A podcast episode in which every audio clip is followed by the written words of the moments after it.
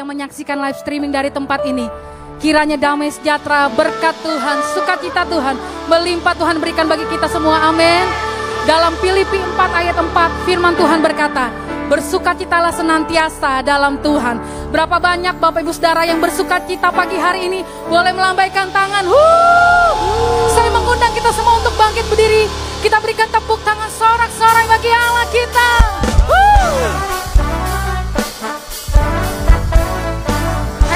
Ekspresi yang bersuka cita pagi hari ini.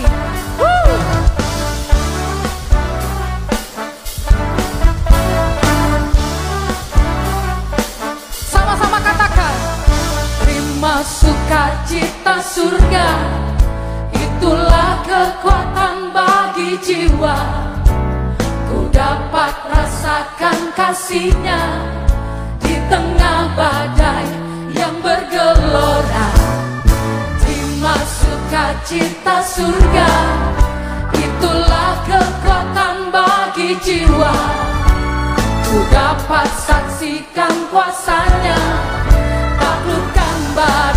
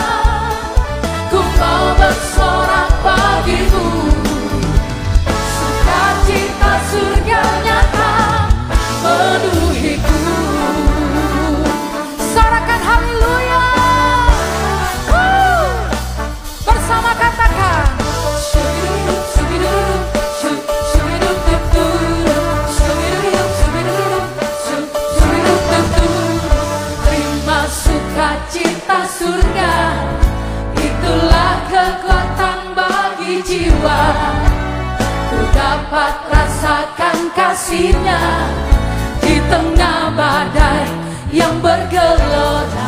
Terima, terima sukacita suka. Itulah kekuatan bagi jiwa. Ku dapat saksikan kuasanya, taklukkan badai yang bergelora. bertepuk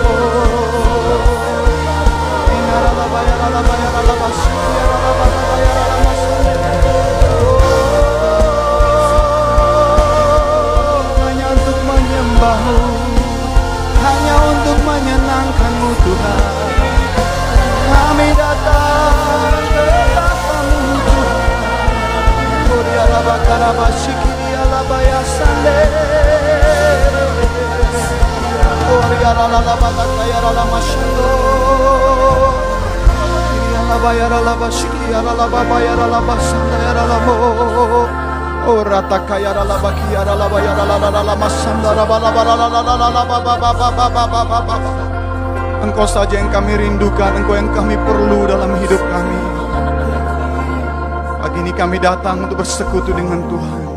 Kami rindu menikmati hadirat Tuhan yang akan menyegarkan kami. Hadirat Tuhan yang akan menuntun kami, menyinari wajah kami. Dan memberi kami damai sejahtera Tuhan. Engkau bersama dengan kami, kami percaya. Ada kekuatan yang selalu baru yang mengalir dari tahta Tuhan. Kira lama syikiri yang lama ya lama ya lamo. Mari kita buka kedua tangan kita, kita sembah Tuhan. Kami sembah, kami sembah. Ori arala barala bakiri ala bayara la bayara la bayara la masoko.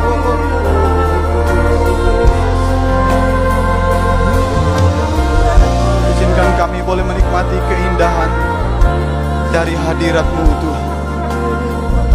Tari kami menyembahmu lebih lagi di tahtamu yang mulia. Urabakashikarala baba baba baba.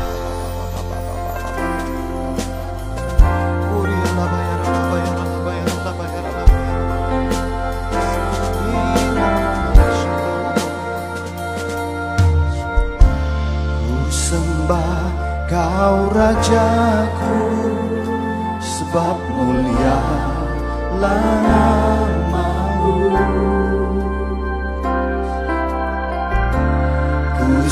sembah kau Tuhanku sebab kasihmu bagiku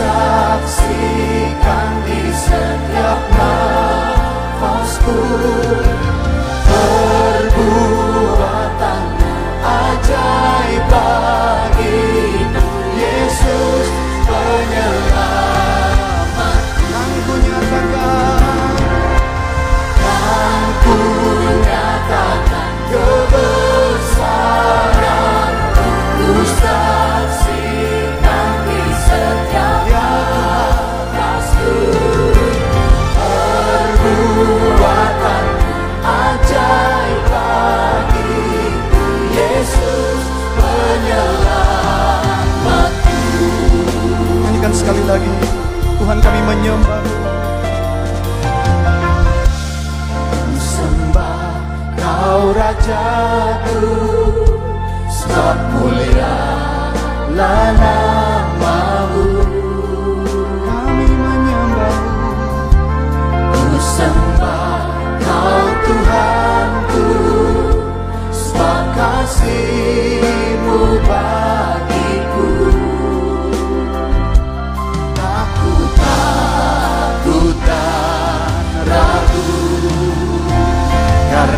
kau ada.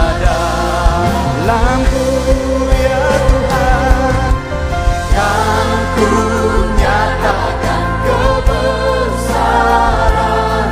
Ku saksikan di setiap nafasku perbuatan ajaib bagiku Yesus akan kebesaran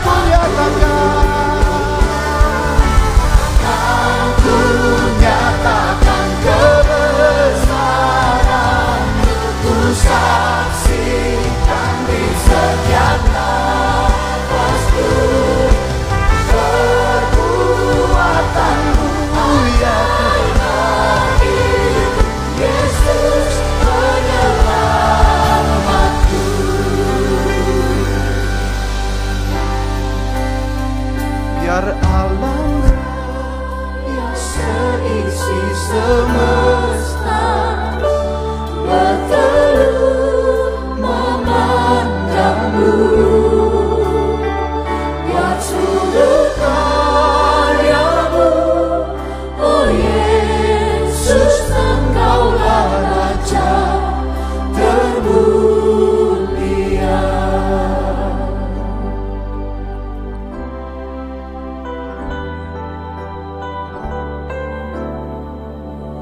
Setiap lutut akan bertut, setiap lidah akan mengaku Hanya engkau Tuhan di atas segala Tuhan.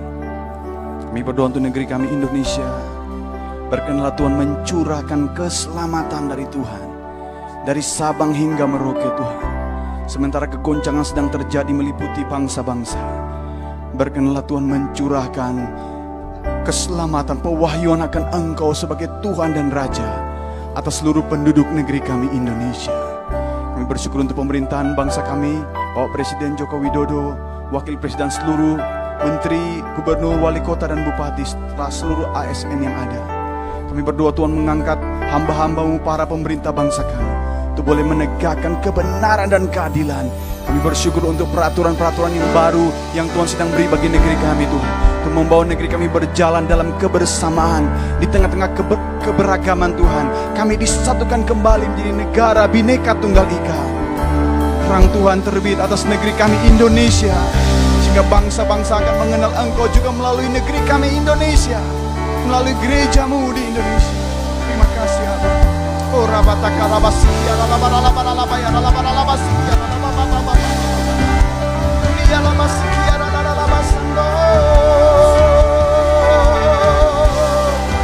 berkenanlah ya Tuhan menyatakan dirimu lebih, lebih lagi, lebih lagi. Curahkanlah pengenalan akan Tuhan. Seperti air yang menutupi lautan atas Indonesia.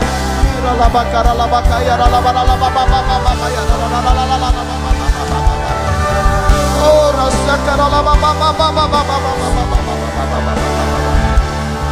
Terima kasih. Dari Tuhan datang pertolongan. Kami berdoa untuk umat-umatmu yang hadir bila ada permasalahan, baik yang juga menyaksikan melalui live streaming atau siaran tunda.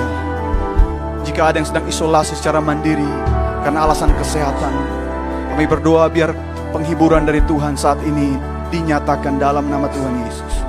Tuhan ada bersama dengan kami. Tuhan mendampingi kami. Tuhan menda- mendampingi umatmu Tuhan. Bahkan Engkau ada dalam kehidupan kami untuk meneguhkan kami Tuhan. Kami akan melewati setiap badai-badai dalam hidup ini. Dan kami akan keluar sebagai pemenang Tuhan. Kami berdoa untuk ekonomi negeri kami Tuhan. Kami berdoa untuk seluruh hamba-hambamu yang terlibat dalam dunia ekonomi. Para pengusaha Tuhan. Juga yang mengatur tentang perundang-undangan ekonomi. Kami berdoa Tuhan memberkati. Terangi, terangi hamba-hambamu dengan wajahmu ya Tuhan. Sehingga kebenaran dinyatakan. Mengangkat harga dan derajat negeri kami. Ekonomi negeri kami. Kami bersyukur kami mohon berkat Tuhan bagi kuartal pertama 2021 ya Tuhan. Tolong negeri kami ya Tuhan. Tolong negeri kami. Terima kasih Tuhan. Terima kasih. Tolongan tidak pernah terlambat Bapak sediakan bagi kami. Terima kasih Abah. Engkau tidak pernah tinggalkan perbuatan tanganmu Tuhan. Kami rindu duduk diam mendengarkan pesan-pesan Tuhan.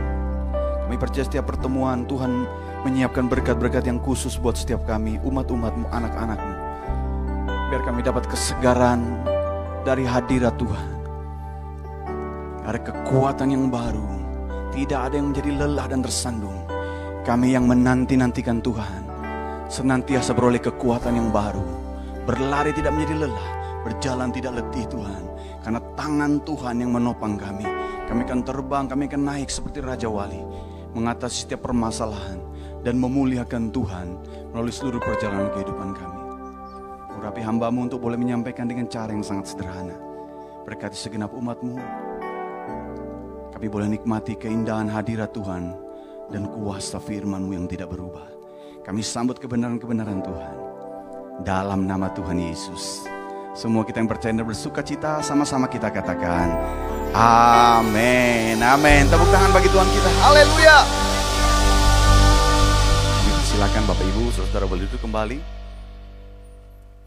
Kita bersyukur bersama-sama setiap kali semua kita mendapat kesempatan untuk boleh datang menghampiri tahta kasih karunia. Sebab Tuhan berjanji di tahta kasih karunia sena- senantiasa di setiap musim apa pun dalam hidup ini. Tuhan menyediakan kasih karunia dan pertolongan tepat pada waktunya. Yang percaya katakan amin. Bapak Ibu yang ada di rumah juga, kesempatan bagi Bapak Ibu untuk boleh bersama-sama menikmati hadirat Tuhan, biar kita tidak miss dari semua yang Tuhan sudah sediakan dalam ibadah-ibadah kita. Haleluya. Kita telah memasuki bulan yang baru, yaitu bulan Maret. Setelah kita mempelajari, kita dipenuhi dengan kebenaran-kebenaran mengenai penyembahan dalam kebenaran. Maka di sepanjang bulan ini Tuhan mulai menuntun kita berjalan lagi di dalam semua penyediaan-penyediaan daripada tuntunan-tuntunan Tuhan yang luar biasa buat kehidupan kita. Dan sepanjang bulan ini maka Tuhan mengundang kita untuk boleh datang mendekat lebih lagi. Mendekat dan kita boleh menikmati. Saya percaya di hadirat Tuhan ada semua yang kita perlukan. Apa saja? Apakah kita membutuhkan hikmat? Ada di sana, saudara. Ada dalam hadirat Tuhan. Amin. Kalau kita membutuhkan pertolongan jalan keluar, ada di, di hadirat Tuhan pada waktu kita mau datang kepadanya. Karena itu hari ini saya akan menyampaikan tema keberanian untuk mendekat pada Bapa. Saudara-saudara yang dikasih oleh Tuhan. Alkitab berkata ketika kita percaya kepada Tuhan, maka Tuhan mengangkat kita kita yang bukan siapa-siapa diangkat seperti diadopsi saudara dari ketiadaan mendapat sebuah status yang baru yaitu kita dijadikan anak-anak Tuhan. Bukankah ini hal yang luar biasa? Amin. Saudara boleh beri, beritahu kepada kiri kanan yang di rumah bisa cerita kepada yang ada duduk sampingmu engkau adalah anak Allah saya juga adalah anak Allah. Dia adalah Bapa buat kehidupan kita. Amin Haleluya. Mari kita membaca Ibrani pasal yang ke-10 ayat yang ke-19 sampai dengan ayat yang ke-21. Mari kita baca ayat-ayat firman Tuhan ini sebagai pondasi daripada pemberitaan firman Tuhan pagi ini. Mari kita baca satu dua ya. Jadi saudara-saudara, oleh darah Yesus kita sekarang penuh keberanian dapat masuk ke dalam tempat kudus ayat yang ke-20 karena ia telah membuka jalan yang baru dan yang hidup bagi kita melalui tabir yaitu dirinya sendiri. Ayat yang ke-21, dan kita mempunyai seorang imam besar sebagai kepala rumah Allah. Pengorbanan Kristus yang setiap hari Sabtu, pada waktu kita bersekutu dalam menara doa Sabtu ini, kita mulai mengingat kembali melalui perjamuan kudus. Merupakan sebuah alasan dan bukti undangan Tuhan buat kehidupan setiap kita anak-anaknya. Supaya kita boleh datang mendekat kepada Tuhan. Dan kita boleh menikmati hal-hal yang indah yang Bapa sudah sediakan buat kehidupan kita. Saudara-saudara, dalam Alkitab dikisahkan tentang ada bait suci bagi orang-orang Israel yang dibangun atas perintah daripada Tuhan. Ketika umat Tuhan berjalan di padang gurun dari Mesir menuju tanah perjanjian, maka Tuhan berkata supaya umatnya membangun tempat kudus bagi Tuhan. Di dalam keluaran 25 ayat yang ke-8 ayat yang terkenal. Dan mereka harus membuat tempat kudus bagiku supaya aku diam di tengah-tengah mereka. Itulah cerita awal mula kenapa ada tempat kudus ketika orang Israel menyelesaikan perbudakan 400 tahun lebih dan mereka tidak bersama dengan Tuhan di dalam perbudakan. Tuhan menata sebuah rencana kehidupan yang baru untuk membawa mereka masuk ke sebuah perjanjian yang luar biasa. Dan sebelum itu Tuhan memerintahkan mereka untuk membangun tempat kudus. Lalu di ayat yang ke-22, dan di sanalah aku akan bertemu dengan engkau. Dan dari atas tutup pendamaian itu, dari antara kedua krup yang di atas tabut itu, aku akan berbicara dengan engkau tentang segala sesuatu yang akan kuperintahkan kepadamu untuk disampaikan kepada orang Israel. Tuhan memerintahkan Musa bersama dengan orang Israel untuk membangun tempat kudus dan ada sebuah perkakas yang spesial yaitu tabut perjanjian yang di atasnya ada tutup pendamaian tempat di mana Tuhan hadir dan berbicara kepada Musa. Saudara-saudara yang dikasih oleh Tuhan, ini adalah sebuah pengalaman yang Tuhan itu beri bagi orang-orang Israel di perjanjian lama. Sehingga tabut perjanjian di bait suci itu menjadi the point of contact, titik pertemuan antara Allah dengan manusia umatnya. Saudara-saudara yang dikasih oleh Tuhan, semua pertemuan-pertemuan itu terjadi di tutup pendamaian itu. Dan Musa mendapat kasih karunia untuk boleh masuk ke sana dan kemudian mendengar perkataan-perkataan daripada Tuhan. Dan saudara-saudara yang dikasih oleh Tuhan, kisah itu berlanjut bahwa Tuhan mulai menuntun orang-orang Israel melalui tiang api dan tiang awan yang mengikuti perjalanan daripada tabut itu. Saudara-saudara yang dikasih oleh Tuhan, tabut itu mulai menuntun kalau tabut itu berkemah, ta, uh, awan itu berhenti dan artinya mereka harus berkemah, maka orang Israel yang begitu banyak harus berhenti dan berkemah. Kadang-kadang untuk beberapa saat, kadang-kadang untuk waktu yang panjang. Tetapi tabut itu mulai menuntun kehidupan daripada orang-orang Israel. Dan saudara-saudara yang dikasih oleh Tuhan, Tuhan meminta supaya orang-orang Israel terus berjalan berjalan bersama dengan Tuhan. Dan inilah prinsip yang sejak awal Tuhan beri bagi setiap orang-orang yang percaya bahwa kelimpahan, keindahan, kebahagiaan, kemakmuran sebenarnya bukan merupakan tujuan utama daripada Tuhan bagi kehidupan kita. Karena hal-hal itu sudah-sudah yang dikasih oleh Tuhan juga bisa dilakukan oleh iblis. Karena di dalam cerita berikutnya di dalam perjanjian baru ketika Tuhan Yesus akan memulai pelayanan, maka Tuhan Yesus dibawa ke padang gurun dan dicobai. Dan salah satu ujiannya itu adalah waktu iblis membawa Tuhan Yesus ke atas gunung yang sangat tinggi dan memperlihatkan kepadanya semua kerajaan dunia dengan kemegahan. Dan iblis berkata, semua ini akan kuberikan kepadamu jika engkau sujud menyembah kepadaku. Saudara-saudara yang dikasih oleh Tuhan, iblis bisa memberi semuanya itu. Tetapi Tuhan mau supaya kita terus mengikuti dia. Terus mengikuti dia. Terus mengikuti tuntunan-tuntunan yang pada waktu kita mulai berjalan bersama dengan dia. Semua yang diperlukan akan tersedia. Di dalam kisah sejarah Israel tadi, saudara-saudara, Tuhan bisa melakukan mujizat setiap hari ada mana. Di daerah daripada pemukiman orang Israel di mana ada tabut, maka ada mana setiap pagi. Saudara, Kadang-kadang orang Israel membutuhkan minuman dalam jumlah yang banyak. Tuhan membuat mujizat dengan mengeluarkan air dari bukit batu.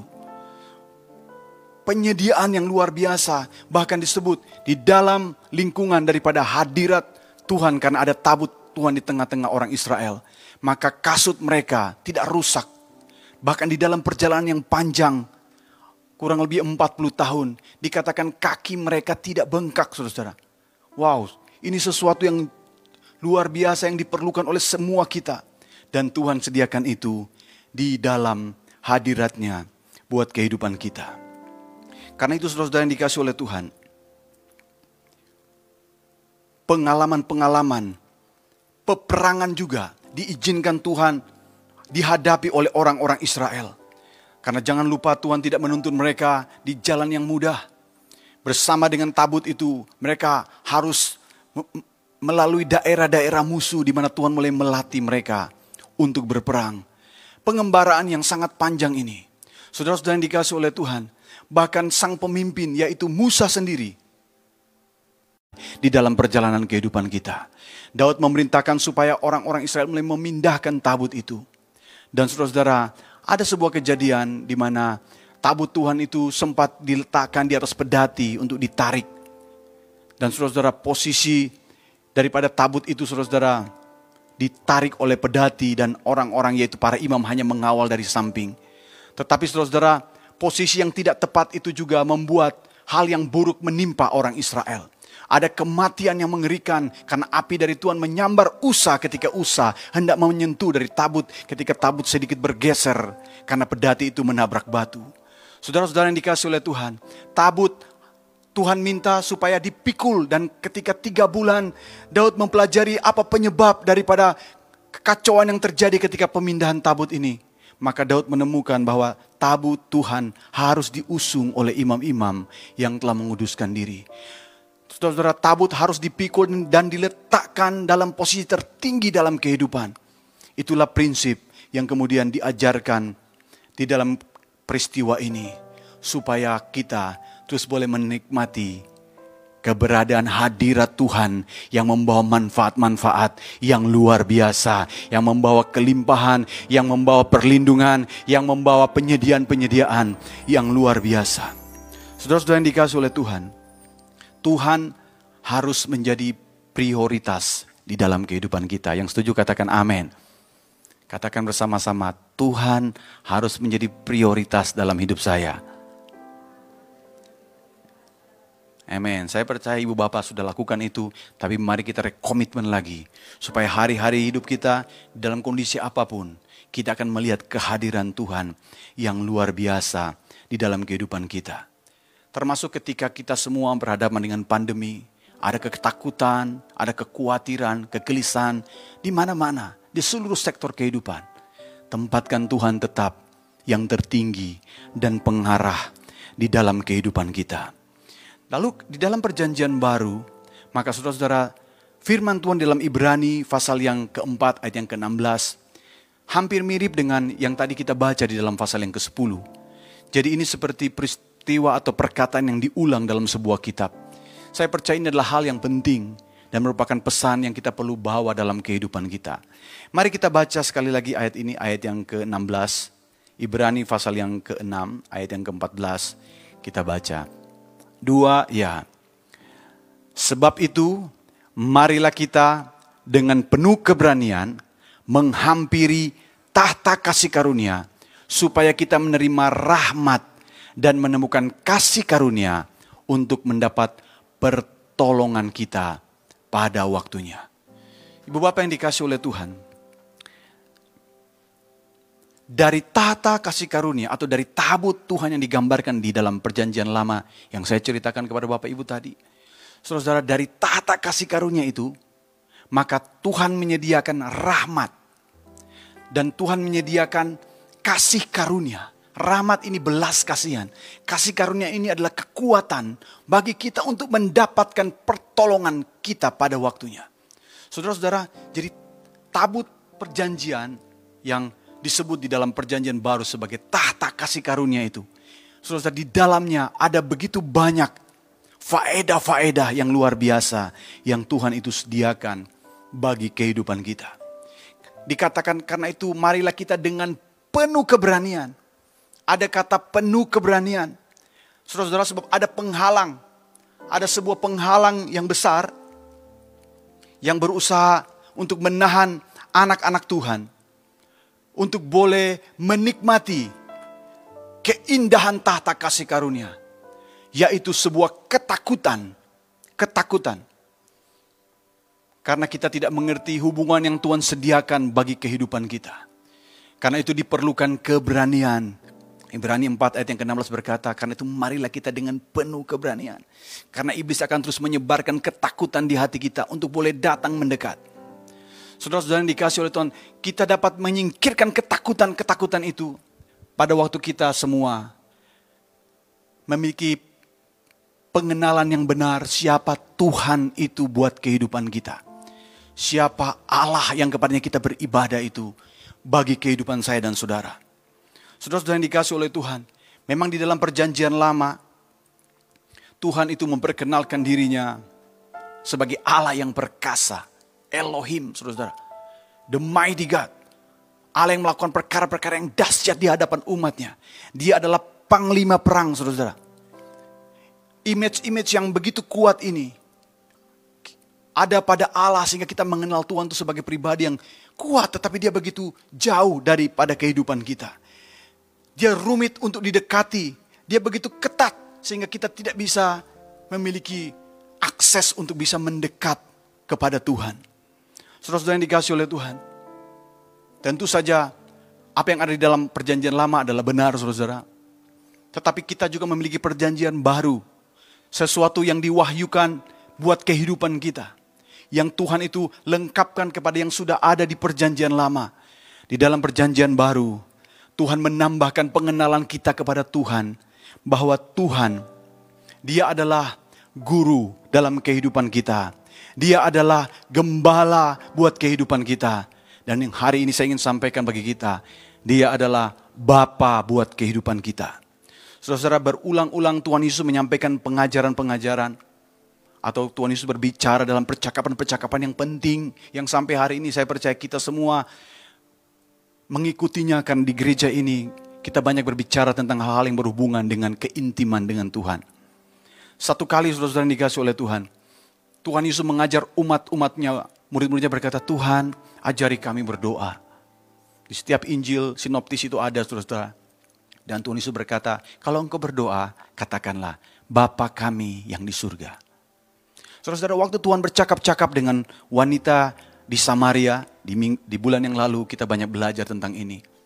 Wanita itu ingin air kehidupan, dan Tuhan Yesus mengajarkan soal penyembahan yang akan membawa kepada kepuasan. Kepuasan yang sejati. Dan di tengah-tengah percakapan itu, Tuhan Yesus berkata, Yohanes 4 ayat 20 dan 21, nenek moyang kami menyembah di atas gunung ini. Tetapi kamu katakan bahwa Yerusalemlah tempat orang menyembah. Kata Yesus kepadanya, percayalah kepadaku wahai perempuan, saatnya akan tiba bahwa kamu tidak akan kamu akan menyembah Bapa, menyembah Bapa bukan di gunung yang ada di Samaria, juga bukan di Yerusalem yang ada di Yudea.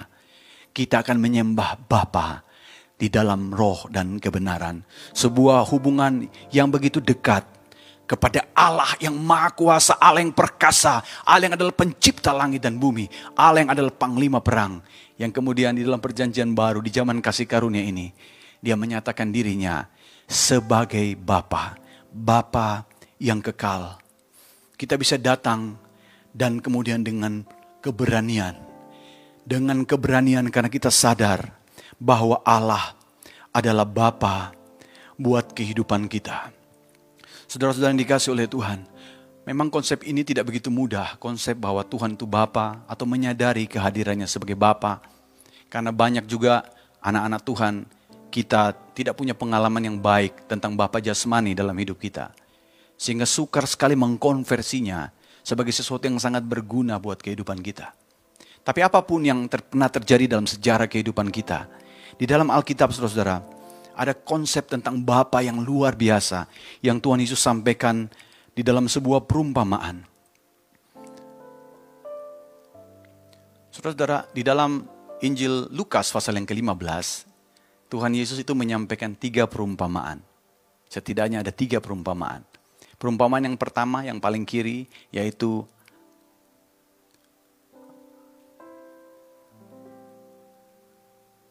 yaitu ada seorang memiliki 100 domba, lalu kemudian gembala ini kehilangan satu, lalu kemudian gembala ini meninggalkan yang 99. Dia mulai mencari. Itulah gembala yang baik. Dia cari yang satu itu. Saudara-saudara yang kedua adalah seorang wanita. Ini perumpamaan saudara-saudara. Dia kayak dia memiliki 10 dirham dan satunya hilang saudara-saudara. Dirham itu sesuatu yang berharga. Saudara-saudara, dan kemudian dia menemukan kembali, dia undang teman-temannya. Bersuka cita bersama dengan saya karena dirham yang begitu berharga ini yang hilang telah kutemukan kembali. Dan perumpamaan yang ketiga, yaitu tentang anak terhilang di mana Tuhan menampilkan dirinya sebagai Bapa yang penuh dengan kasih. Saudara, saudara ini semua tentang sesuatu yang hilang dan bagaimana Tuhan memandang kehidupan kita. Tuhan begitu mengasihi kita sebagai domba-dombanya. Tuhan begitu mengasihi kita seperti sesuatu yang sangat berharga miliknya saudara-saudara. Dan juga dia sangat mengasihi kita karena kita adalah anak-anaknya. Saudara Lukas pasal 15 ini menceritakan ada seorang Bapa mempunyai dua anak laki-laki, lalu kata yang bungsu kepada ayahnya, berikanlah kepadaku bagian harta kita yang menjadi hakku. Lalu ayahnya membagi-bagikan harta kekayaan itu di antara mereka. Saudara-saudara ini adalah perumpamaan, tetapi Tuhan menggambarkan dirinya sebagai Bapa seperti ini. Yang selalu memberi kepada kita anak-anaknya. Saudara anak yang pertama, anak yang kedua atau yang bungsu ini pergi menghabis-habiskan hartanya. Dia lakukan apa saja yang dia mau. Sampai akhirnya semuanya habis. Saya tahu ceri- cerita itu kita semua sudah kenal sejak kita kanak-kanak. Lalu kemudian dia ingin makan, kalau sudah tidak ada uang harus bekerja. Dan terpaksa dia harus bekerja di sebuah pekerjaan yang hina. Dia harus ambil pekerjaan itu karena dia perlu makan. Tapi karena dia lapar, saudara dia berhadapan dengan makanan yang bukan untuk dia, saudara. Karena tidak ada orang mau memberikan makan itu kepada dia. Ayat 17 ini momentumnya saudara. Mari kita baca sama-sama ayat ini. Dua ya. Lalu ia menyadari keadaannya. Katanya, betapa banyak orang upahan Bapakku yang berlimpah-limpah makanannya. Tetapi aku di sini mati kelaparan. Aku akan bangkit dan pergi kepada Bapakku dan berkata kepadanya, Bapa, aku telah berdosa terhadap surga dan terhadap Bapa. Aku tidak layak lagi disebut anak Bapa. Jadikanlah aku sebagai salah seorang upahan Bapa. Di momentum yang begitu menyedihkan, begitu terpuruk, dia masih punya sebuah kesadaran bahwa dia ini punya Bapa. Kalau dekat dengan Bapaknya, bahkan budak-budak pun tersedia keperluannya. Saudara-saudara yang dikasih Tuhan, karena itu dia mulai membangkitkan keberanian. Ini yang dalam kitab Ibrani dikatakan, marilah kita dengan penuh keberanian. Karena banyak daripada kita, saudara-saudara. Kita kurang cukup berani untuk datang kepada tahta kasih karunia Tuhan. Untuk semua yang kita hadapi di dalam kehidupan ini. Karena iblis menebarkan pemikiran-pemikiran yang terbalik. Bab Tuhanmu tidak peduli kepadamu. Tuhan tidak dia akan nolak engkau kalau engkau kembali. Tetapi saudara-saudara dikasih oleh Tuhan, kisah ini ditulis untuk mengajarkan kepada kita. Allah yang kepadanya kita beribadah adalah Bapa yang sangat baik. Yang setuju katakan amin. Saudara cerita selanjutnya maka bangkitlah ia dan pergi kepada bapaknya. Ketika ia masih jauh ayahnya telah melihatnya lalu tergeraklah hatinya oleh belas kasihan. Ayahnya itu mendapat lari mendapatkan dia lalu merangkul dan mencium dia. Kata anaknya itu kepada ba, kepadanya, Bapa, aku telah berdosa terhadap surga dan terhadap Bapa. Dan aku tidak layak lagi disebut anak Bapa. Tetapi, Bapak Ibu perhatikan kata-kata ini. Tetapi ayah itu berkata kepada hamba-hambanya. Tidak ada tanggapan bagi pernyataan sang anak. Bapaknya menyampaikan apa yang ada dalam seluruh hati bapaknya. Lepas, lekaslah bawa kemari jubah yang terbaik. Pakaikanlah itu kepadanya dan kenakanlah cincin pada jarinya dan sepatu pada kakinya. Dan ambillah anak lembu tambun itu sembelilah dia dan marilah kita makan dan bersukaria. Sebab anakku ini telah mati dan menjadi hidup kembali. Ia telah hilang dan didapat kembali. Maka mulailah mereka bersukaria. Ibu bapak yang dikasih oleh Tuhan. Cerita ini ditutup dengan momen keputusan Bapa yang menyambut anaknya, bahkan memulihkan dia, mengembalikan dia ke status yang semula. Bapak Ibu yang dikasih oleh Tuhan, seperti itulah Bapa kita. Dia bukanlah Bapa yang perlu kita takutkan dalam hidup ini. Memang kita perlu menghormati Tuhan. Kita menghormati Dia di dalam kekudusan hidup kita. Kita menaikkan pujian penyembahan dan mengakui Tuhan di atas semuanya. Tapi Dia juga adalah Bapa yang tidak ada ancaman atau intimidasi. Sebaliknya pengampunan, penerimaan, dan pemulihan. Semua yang pernah hilang karena anak ini pergi dikembalikan. Dikembalikan. Disediakan kembali.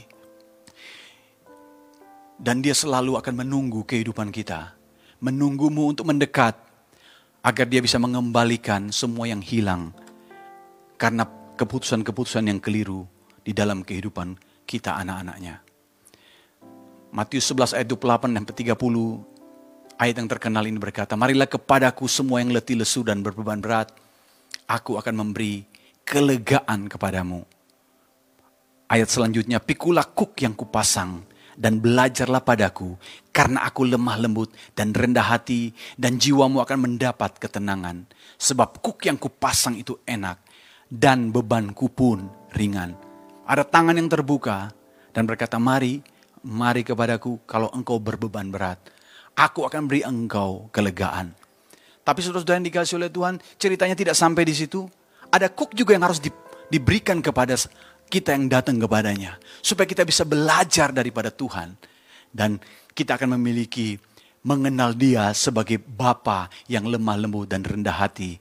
Di mana dalam menjalani hari-hari hidup kita, kita akan nikmati ketenangan yang luar biasa. Saudara-saudara yang dikasih oleh Tuhan. Saya akan sampai di bagian yang terakhir dari pesan yang saya sampaikan. Ketika ketakutan menimpa karena ada penyakit yang sedang menggerogoti hidup saudara, atau karena piutang yang begitu berat, atau beban-beban yang lain yang terasa sudah begitu menekan kehidupan kita. Pada waktu kita menatap masa depan dan kita hanya melihat kelam, gelap saudara. Seolah-olah langit menjadi runtuh dan akan mengubur kehidupan kita. Di saat itulah pewahyuan bahwa Kristus adalah Bapamu akan memberikan ketenangan yang ajaib di dalam batin dan pikiranmu. Dan kita akan lihat tangannya akan terulur untuk memberikan pertolongan tepat pada waktunya. Saudara-saudara yang dikasih oleh Tuhan, setahun sudah kita menjalani hari-hari pola ibadah yang menggunakan online karena ada pandemi satu tahun. Waktunya Tuhan panggil kita kembali mendekat kepada Tuhan. Karena kalau karena kurangnya waktu beribadah kita mulai menyimpang, sekarang Tuhan panggil kita mendekat. Ada banyak jawaban-jawaban dari doa, ada banyak pertolongan-pertolongan, ada banyak kemurahan demi kemurahan yang Bapa sudah sediakan ketika Dia mengulurkan tangannya bagi kita dan berkata, "Datanglah kepadaku, kamu yang letih lesu, dan aku menyediakan istirahat buat hidupmu." Yang mau katakan amin. Mari kita berdoa.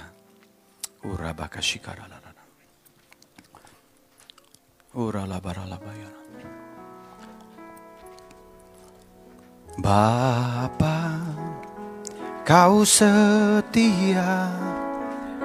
Bapa, kau mulia. Tenanglah jiwaku, aman bersamamu. Lebih dari harta,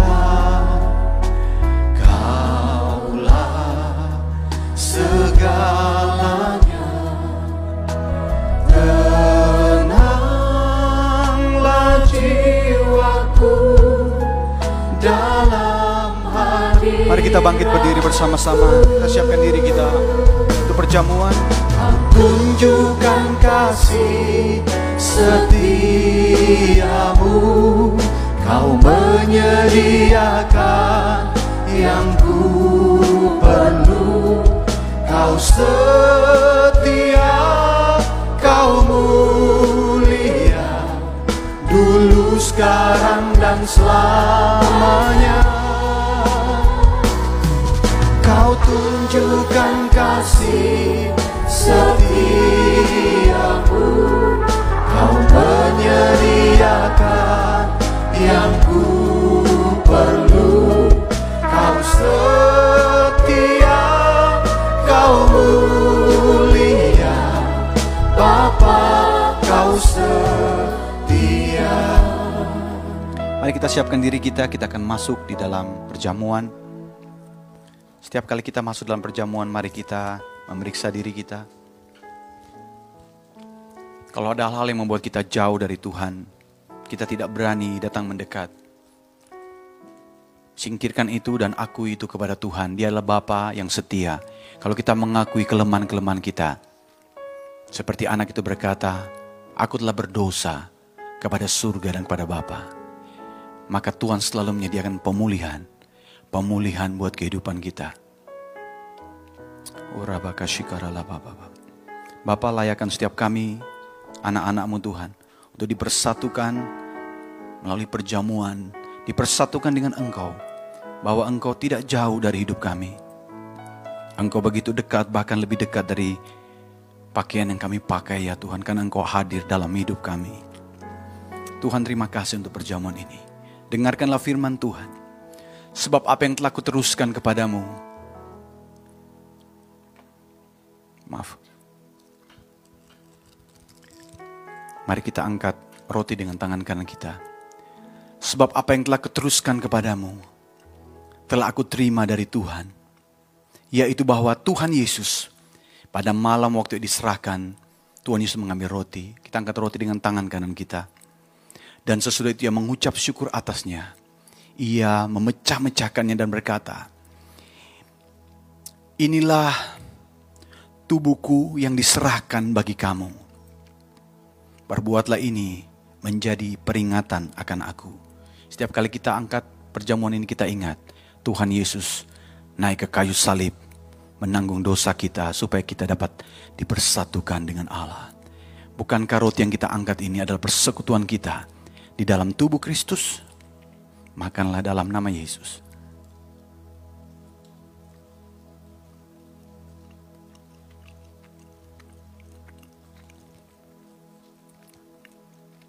Demikian juga Tuhan Yesus mengambil cawan, kita angkat cawan dengan tangan kanan kita. Lalu Tuhan Yesus berkata, cawan ini adalah perjanjian baru yang dimeteraikan oleh darahku.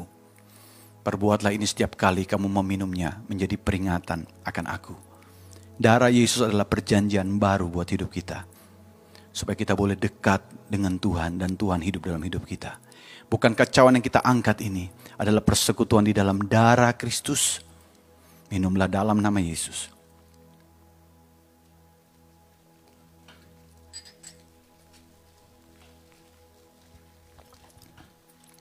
Mari kita buka kedua tangan kita.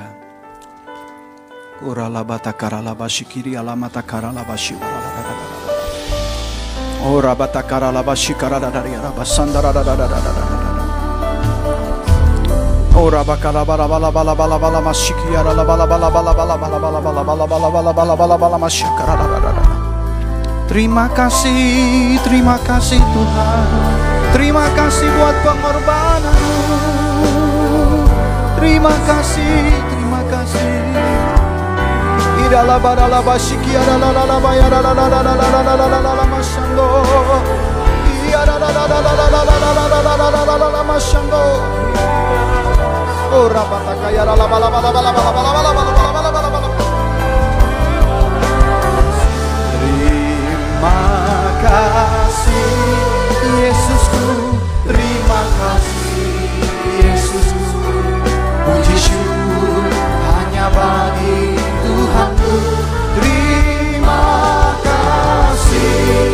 Yesusku terima kasih. Yesusku puji syukur hanya bagi. Puji syukur bagi Tuhan. Puji syukur hanya bagi Tuhanku. Puji syukur hanya bagi Tuhan.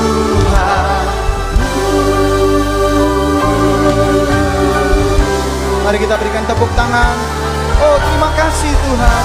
Terima kasih Bapa yang kekal. Haleluya. Haleluya.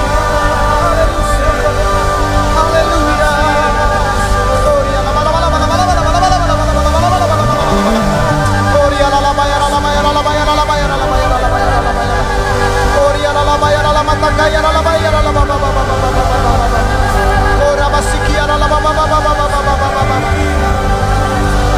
itu marilah dengan penuh keberanian, dengan penuh keberanian, dengan penuh keberanian menghampiri tata kasih karunia Tuhan. Terima kasih Tuhan. Engkau sediakan rahmat kemurahan. Engkau sediakan kasih karunia kekuatan dan engkau sediakan pertolongan tepat pada waktunya. Terima kasih Tuhan. Terima kasih Bapak. Bersyukur untuk waktu-waktu yang indah kami boleh datang bersekutu dengan Tuhan di menara doa pagi ini. Biar Engkau terus hidup dalam kami, kami bergerak bersama dengan Engkau. Kami percaya Immanuel Tuhan bersama dengan kami. Kami akan lihat hari-hari yang luar biasa bersamamu Tuhan. Kami akan menikmati keindahan, kebesaran-kebesaran Tuhan. Tuhan akan angkat kami menggenapi rencana-rencana besar di dalam kehidupan kami. Terima kasih kami mengangkat negeri kami Indonesia. Kami juga mengangkat seluruh pelayanan daripada gerejamu di tempat ini. Terima kasih Tuhan untuk tempat-tempat yang boleh kami mulai Tuhan di bulan ini. Kami bersyukur untuk para pemimpin rohani kami, untuk gembala, pembina kami Bapak Pendeta Erbambang Yunan, Ibu Santi, Alfred dan Tiffany. Tuhan kami serahkan hamba-hambamu dalam tangan kemurahan Tuhan. Ketika hamba mau melaksanakan perjalanan, pekerjaan pelayanan, Tuhan sertai dengan kemurahan, Tuhan sertai dengan perlindungan yang sempurna. Untuk gembala sidang kami Bapak Pendeta Daniel Iti Praitno, kami juga bersyukur untuk Ibu Intan, Melasa dan Yuda. Kami mohon Tuhan berkat Tuhan, kekuatan yang berlimpah-limpah. Untuk boleh mewujudkan visi yang Tuhan telah letakkan melalui para pemimpin kami. Untuk boleh menuntun kami menggenapinya Tuhan. Kami bersyukur ya Tuhan untuk pembangunan rumah Tuhan. Kami terus berdoa. Kami bersyukur untuk seluruh progres yang luar biasa yang kami boleh lihat dan kami boleh nikmati. Tuhan kami berdoa untuk panitia, untuk segenap kami umat, memberikan kami semangat ya Tuhan. Untuk bersama-sama terus membangun dan menyelesaikan rumahmu ya Tuhan. Pada waktunya tepat Tuhan, kami akan menyelesaikannya namamu akan tinggal dan dimuliakan di tempat ini, diceritakan di antara bangsa-bangsa. Terima kasih Tuhan. Bila kami akan membawa persembahan syukur kami Tuhan. Semua yang kami bawa, tanda kami mengasihimu. Tanda kami mau hidup di dalammu, tanda kami sadar semua dari Tuhan. Terima kasih Bapak. Terimalah pujian penyembahan doa-doa kami menjadi persembahan yang menyenangkan hatimu. Bila kami akan mengakhiri ibadah ini, Bapak bukakan tingkap-tingkap langit. Kami juga mengangkat tangan memberkati kota kudus Yerusalem. Kami ucapkan shalom bagi Yerusalem, shalom, shalom, shalom. Diberkatilah puri-puri dan tembok-tembokmu dengan keselamatan dan dengan kelimpahan dan biar jalan raya berkat yang luar biasa dari Yerusalem menuju rumah-rumah anak-anak Tuhan yang mencintai Yerusalem membawa berkat dan keselamatan. Kami akan terima berkat yang bersumber dari surga. Berkat kasih karunia itulah kekuatan yang berlimpah dari Allah Bapa dalam kasih yang sempurna dari Tuhan Yesus Kristus dan dalam persekutuan yang manis bersama dengan Roh Kudus yang terus menyertai memberkati kehidupan setiap kita anak-anak Tuhan. Hari ini Maranatha bahkan sampai selama-lamanya. Semua yang terima berkat sama-sama katakan Amin. Amin. Tuhan memberkati kita semua. Tetap semangat. Shalom. Bagi Bapak Ibu Saudara yang ingin mengetahui warta sepekan gereja kita dapat mengakses dalam media sosial Keluarga Besar GBI Medan Plaza. Selamat beraktivitas Bapak Ibu Saudara. Sampai jumpa minggu depan. Tuhan Yesus memberkati. Tuhan Yesus memberkati Bapak Ibu Saudara. Woo!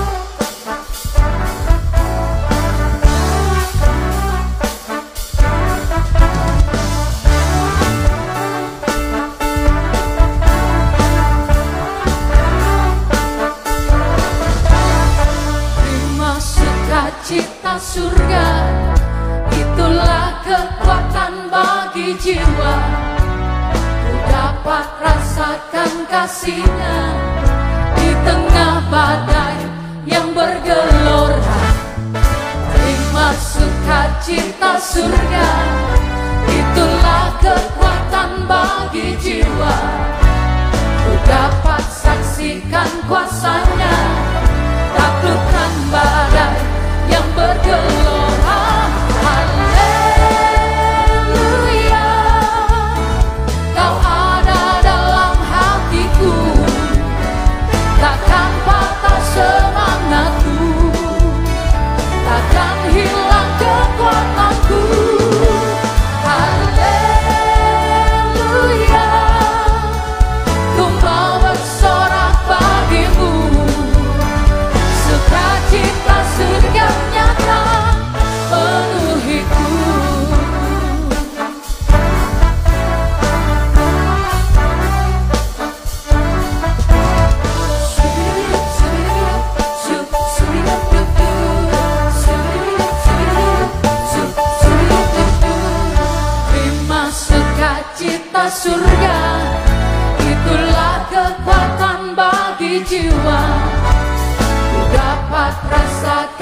kasihnya di tengah badai yang bergelora.